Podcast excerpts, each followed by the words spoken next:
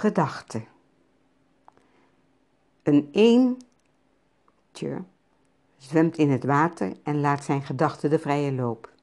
De eerste gedachte die hem daarbij te binnen geschiet is: Ik zou wel eens een tweetje willen worden. Maar dat is gemakkelijker gedacht dan gedaan. De geschiedenis van het getal is een universele geschiedenis. Zij gaat ons allen aan. Uit de oudste geschiedenis is ons bekend dat getallen werden gebruikt als notatiesysteem.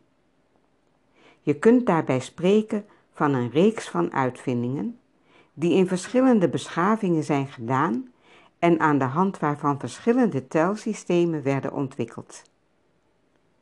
Je kunt spreken over de Sumerische, de Babylonische, de Egyptische, de Griekse of Romeinse tijd, maar ook bij de Maya's en de Indiaanse stammen zijn telsystemen bekend. Ook de Japanse en Chinese culturen kennen een notatiesysteem. Misschien zal het je verbazen dat men in Europa nog slechts een paar eeuwen geleden door middel van streepjes op de kerfstok de rekening bijhield. Klein sprookje. Er was eens een tijd waarin mensen niet konden rekenen. Niet kunnen rekenen, roepen jullie uit, ja, zo'n tijd was er. Precies zoals toen je zelf nog niet zo goed kon tellen. Weet je dat nog? Je telde dan zo van 1, 2 veel. Verder kwam je niet, want je wist nog niet dat 1 en 2 1 en 1 2 is, of drie appels en twee peren vijf vruchten zijn. Die mensen wisten alleen maar dat iets één ding is, of dat het er twee zijn. Je ziet één vlinder of je ziet vlinders, en dat zijn er dan meer. Maar hoeveel? Hoe moest je dat nu weten? We noemen die mensen primitieve volkeren. Ze kunnen wel het getal 4 uitdrukken, ze zeggen dan 2, 2 of 1, 2 wanneer ze 3 bedoelen. Maar verder kwamen ze niet. Gek hè? En weet je wat nog gekker is? Nog niet eens zo heel lang geleden konden onze voorouders dit ook nog niet. Daarom gebruikten zij een stok om te tellen en daarin maakten ze kleine kerfjes om te laten zien hoeveel dingen ze hadden gezien. En als ze dan moesten betalen, wisten ze dat ze vier keer dat ding moesten betalen. Wat is nu het verschil tussen een cijfer en een getal? Cijfers stellen de waarneerbare, waarneembare, exacte buitenkant van dingen voor. De kwantiteit, de vingers aan één hand, twee ogen, twee oren enzovoort, waarbij het dan altijd om een hoeveelheid gaat. Getallen daartegen geven het onzichtbare, het subtiele en abstracte, de kwaliteit weer. Door de magiërs van Babylon werd een getal aan elke god van hun pantheon toegekend, die in overeenstemming was met de hiërarchie van de personages. Voor Anu, de god van de hemel, het getal 60. Voor Enlil, de god van de aarde, het getal 50. En voor Ea, de god van de wateren, het getal 40. Is er altijd al sprake geweest van het getal als kwaliteit zoals wij het graag gebruiken in onze numerologische begrippen? Of was er voordat we er op deze manier zijn, naar zijn gaan kijken nog iets anders rond getalswaarde aan de hand? Als we te raden gaan in boeken die ons daarover informatie verschaffen, dan is dat zeker het geval. Voordat er over kwaliteiten van getallen gesproken kan worden, moeten we ons eerst verdiepen in het getal als een hoeveelheid. We spreken dan van cijfers en kwantiteit. Dit gegeven vinden we in notatiesystemen terug. De ontwikkeling van verschillende notatiesystemen vond rond 3250 voor het Christus plaats. Toen werd er nog gebruik gemaakt van kleitabletten om informatie over aantallen te geven. Deze zogenaamde factuurlijsten zijn nog symbolisch en numeriek van aard. Ongeveer 50 jaar later gaat men over op nieuwe tekens en is er sprake van een soort gestreven boekhouding. In het archaïsche Sumerische schrift werd gebruik gemaakt van pictogrammen, tekentjes, die in eerste instantie zuivere afbeeldingen zijn, die betekenen wat ze laten zien. In een later stadium krijgen ze een grotere picturale waarde en spreekt men van ideogrammen. Ook de Egyptenaren ondervonden rond 3000 voor Christus de behoefte om in schrift gedachten, woorden en getallen te noteren. Er ontstaan inscripties met hieroglyphen. Er is in een zeer oude stad, Hierakonpolis, gelegen op de linkeroever van de Nijl, een knots met een aantal inscripties gevonden. Deze knots behoort tot een van de oudste vondsten op het gebied van schrift en cijfers in Egyptische hieroglyphen. Zo zijn er natuurlijk nog tal van voorbeelden te noemen, maar dat zou voor dit boek te ver voeren. Wat vaststaat is dat mensen, ongeacht de afstand die hen van elkaar scheidt, of dat nu door land is of door wateren, allen in dezelfde tijd op zoek gaan naar notatiesystemen en al zoekend uitkomen bij vergelijkbare en soms bijna identieke vormen. De Griekse en Romeinse cijfers bestaan niet uit tekens die bedoeld zijn om rekenkundige handelingen te kunnen maken. Maar het zijn afkortingen die bedoeld waren om telwoorden op te tekenen en te onthouden. De Romeinse cijfers zijn een uitvinding van herders en de schrijfwijze van deze cijfers is een neerslag van een typisch archaïsche manier van denken.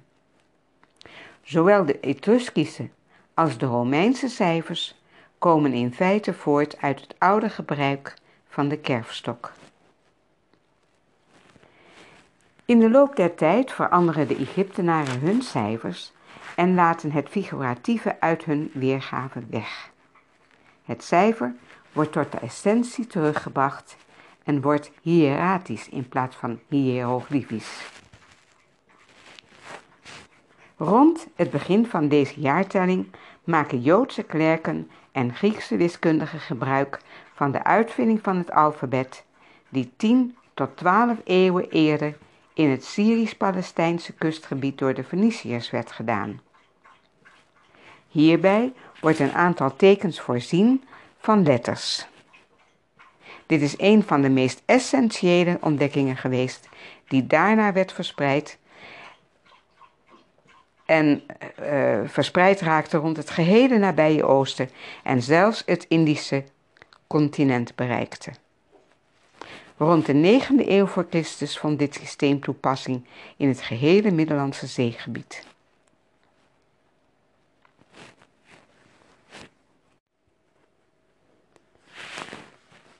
Ook in de middeleeuwen kwam dit fenomeen van getaltelling voor.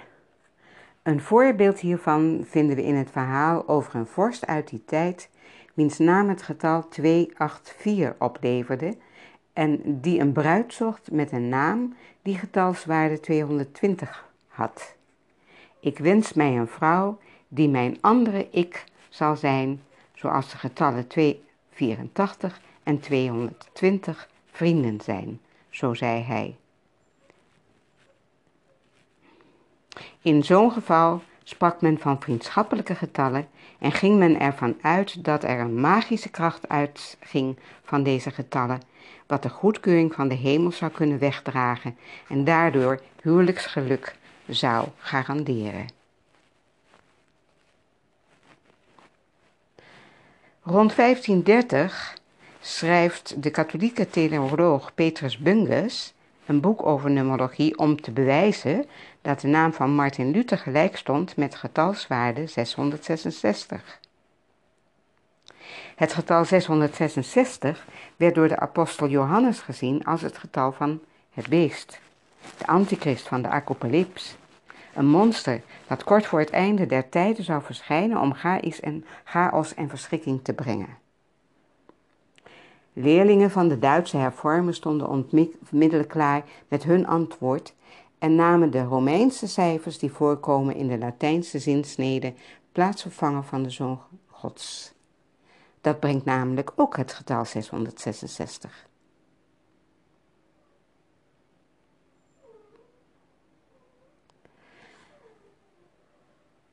En dan is er weer een gedachte die weer een andere vorm weergeeft. Er worden notaties op een andere manier gemaakt. En het wordt uitgedrukt in een symbolische vorm. En dan komt ook de nul aan bod. Maar dat een volgende keer. Gedachte. Een zwemt in het water en laat zijn gedachten de vrije loop. De eerste gedachte die hem daarbij te binnen geschiet is: Ik zou wel eens een tweetje willen worden. Maar dat is gemakkelijker gedacht dan gedaan. De geschiedenis van het getal is een universele geschiedenis. Zij gaat ons allen aan. Uit de oudste geschiedenis is ons bekend dat getallen werden gebruikt als notatiesysteem. Je kunt daarbij spreken van een reeks van uitvindingen die in verschillende beschavingen zijn gedaan en aan de hand waarvan verschillende telsystemen werden ontwikkeld. Je kunt spreken over de Sumerische, de Babylonische, de Egyptische, de Griekse of Romeinse tijd, maar ook bij de Maya's en de Indiaanse stammen zijn telsystemen bekend. Ook de Japanse en Chinese culturen kennen een notatiesysteem. Misschien zal het je verbazen dat men in Europa nog slechts een paar eeuwen geleden door middel van streepjes op de kerfstok de rekening bijhield. Klein sprookje. Er was eens een tijd waarin mensen niet konden rekenen. Niet kunnen rekenen, roepen jullie uit, ja, zo'n tijd was er. Precies zoals toen je zelf nog niet zo goed kon tellen. Weet je dat nog? Je telde dan zo van 1, 2 veel. Verder kwam je niet, want je wist nog niet dat 1 en 2 1 en 1 2 is, of drie appels en twee peren vijf vruchten zijn. Die mensen wisten alleen maar dat iets één ding is, of dat het er twee zijn. Je ziet één vlinder of je ziet vlinders. En dat zijn er dan meer. Maar hoeveel? Hoe moest je dat nu weten? We noemen die mensen primitieve volkeren. Ze kunnen wel het getal 4 uitdrukken, ze zeggen dan 2-2 of 1-2 wanneer ze 3 bedoelen. Maar verder kwamen ze niet. Gek hè? En weet je wat nog gekker is? Nog niet eens zo heel lang geleden konden onze voorouders dit ook nog niet. Daarom gebruikten zij een stok om te tellen en daarin maakten ze kleine kerfjes om te laten zien hoeveel dingen ze hadden gezien. En als ze dan moesten betalen, wisten ze dat ze vier keer dat ding moesten betalen. Wat is nu het verschil tussen een cijfer en een getal? Cijfers stellen de waarneerbare, waarneembare exacte buitenkant van dingen voor. De kwantiteit, de vingers aan één hand, twee ogen, twee oren enzovoort, waarbij het dan altijd om een hoeveelheid gaat. Getallen daartegen geven het onzichtbare, het subtiele en abstracte, de kwaliteit weer. Door de magiërs van Babylon werd een getal aan elke god van hun pantheon toegekend, die in overeenstemming was met de hiërarchie van de personages. Voor Anu, de god van de hemel, het getal 60. Voor Enlil, de god van de aarde, het getal 50.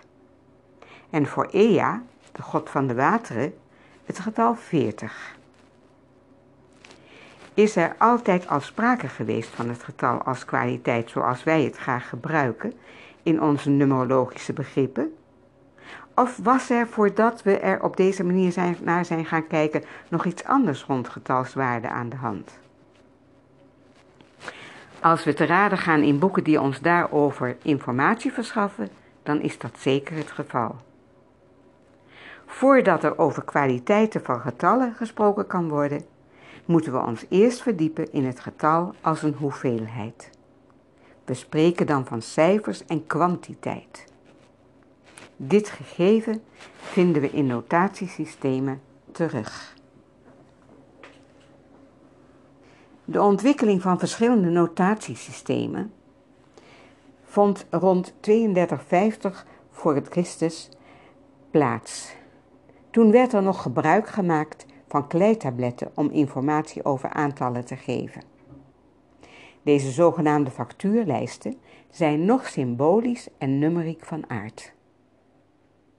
Ongeveer 50 jaar later gaat men over op nieuwe tekens en is er sprake van een soort gestreven boekhouding.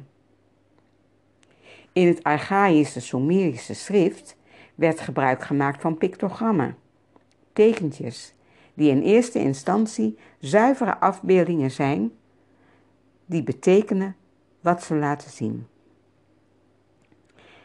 In een later stadium krijgen ze een grotere picturale waarde en spreekt men van ideogrammen. Ook de Egyptenaren ondervonden rond 3000 voor Christus de behoefte om in schrift gedachten, woorden en getallen te noteren. Er ontstaan inscripties met hieroglyphen. Er is in een zeer oude stad, Hierakonpolis, gelegen op de linkeroever van de Nijl, een knots met een aantal inscripties gevonden. Deze knots behoort tot een van de oudste vondsten op het gebied van schrift en cijfers in Egyptische hieroglyphen.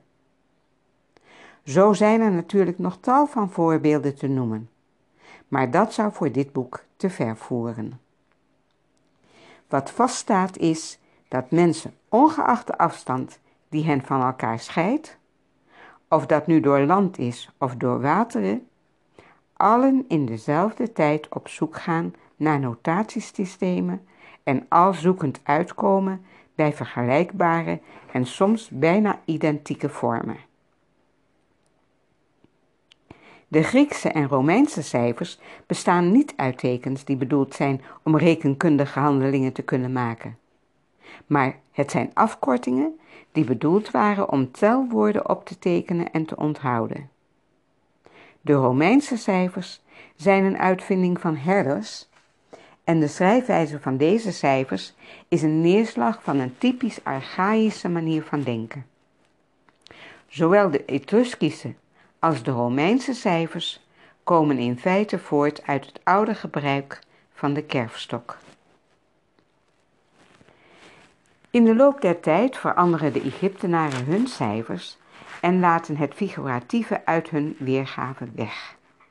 Het cijfer wordt tot de essentie teruggebracht en wordt hieratisch in plaats van hieroglyfisch. Rond het begin van deze jaartelling maken Joodse klerken en Griekse wiskundigen gebruik van de uitvinding van het alfabet, die 10 tot 12 eeuwen eerder in het Syrisch-Palestijnse kustgebied door de Feniciërs werd gedaan. Hierbij wordt een aantal tekens voorzien van letters. Dit is een van de meest essentiële ontdekkingen geweest, die daarna werd verspreid en uh, verspreid raakte rond het gehele nabije Oosten en zelfs het Indische continent bereikte. Rond de 9e eeuw voor Christus vond dit systeem toepassing in het gehele Middellandse zeegebied.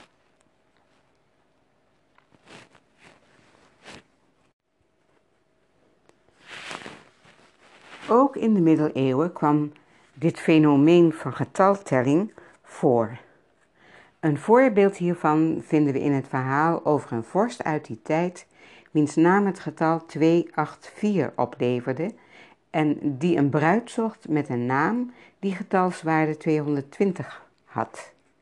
Ik wens mij een vrouw die mijn andere ik zal zijn, zoals de getallen 284 en 220 vrienden zijn, zo zei hij.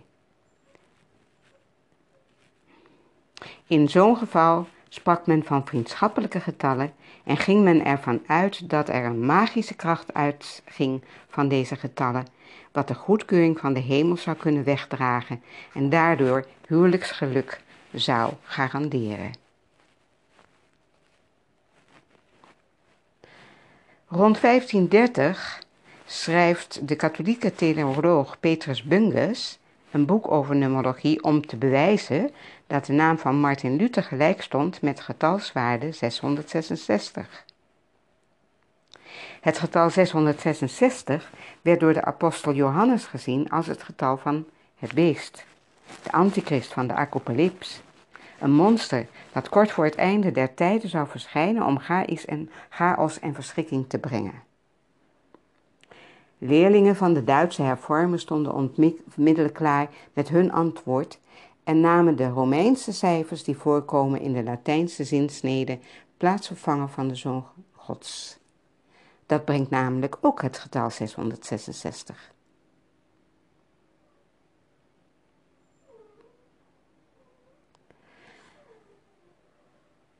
En dan is er weer een gedachte die weer een andere vorm weergeeft. Er worden notaties op een andere manier gemaakt. En het wordt uitgedrukt in een symbolische vorm. En dan komt ook de nul aan bod. Maar dat een volgende keer.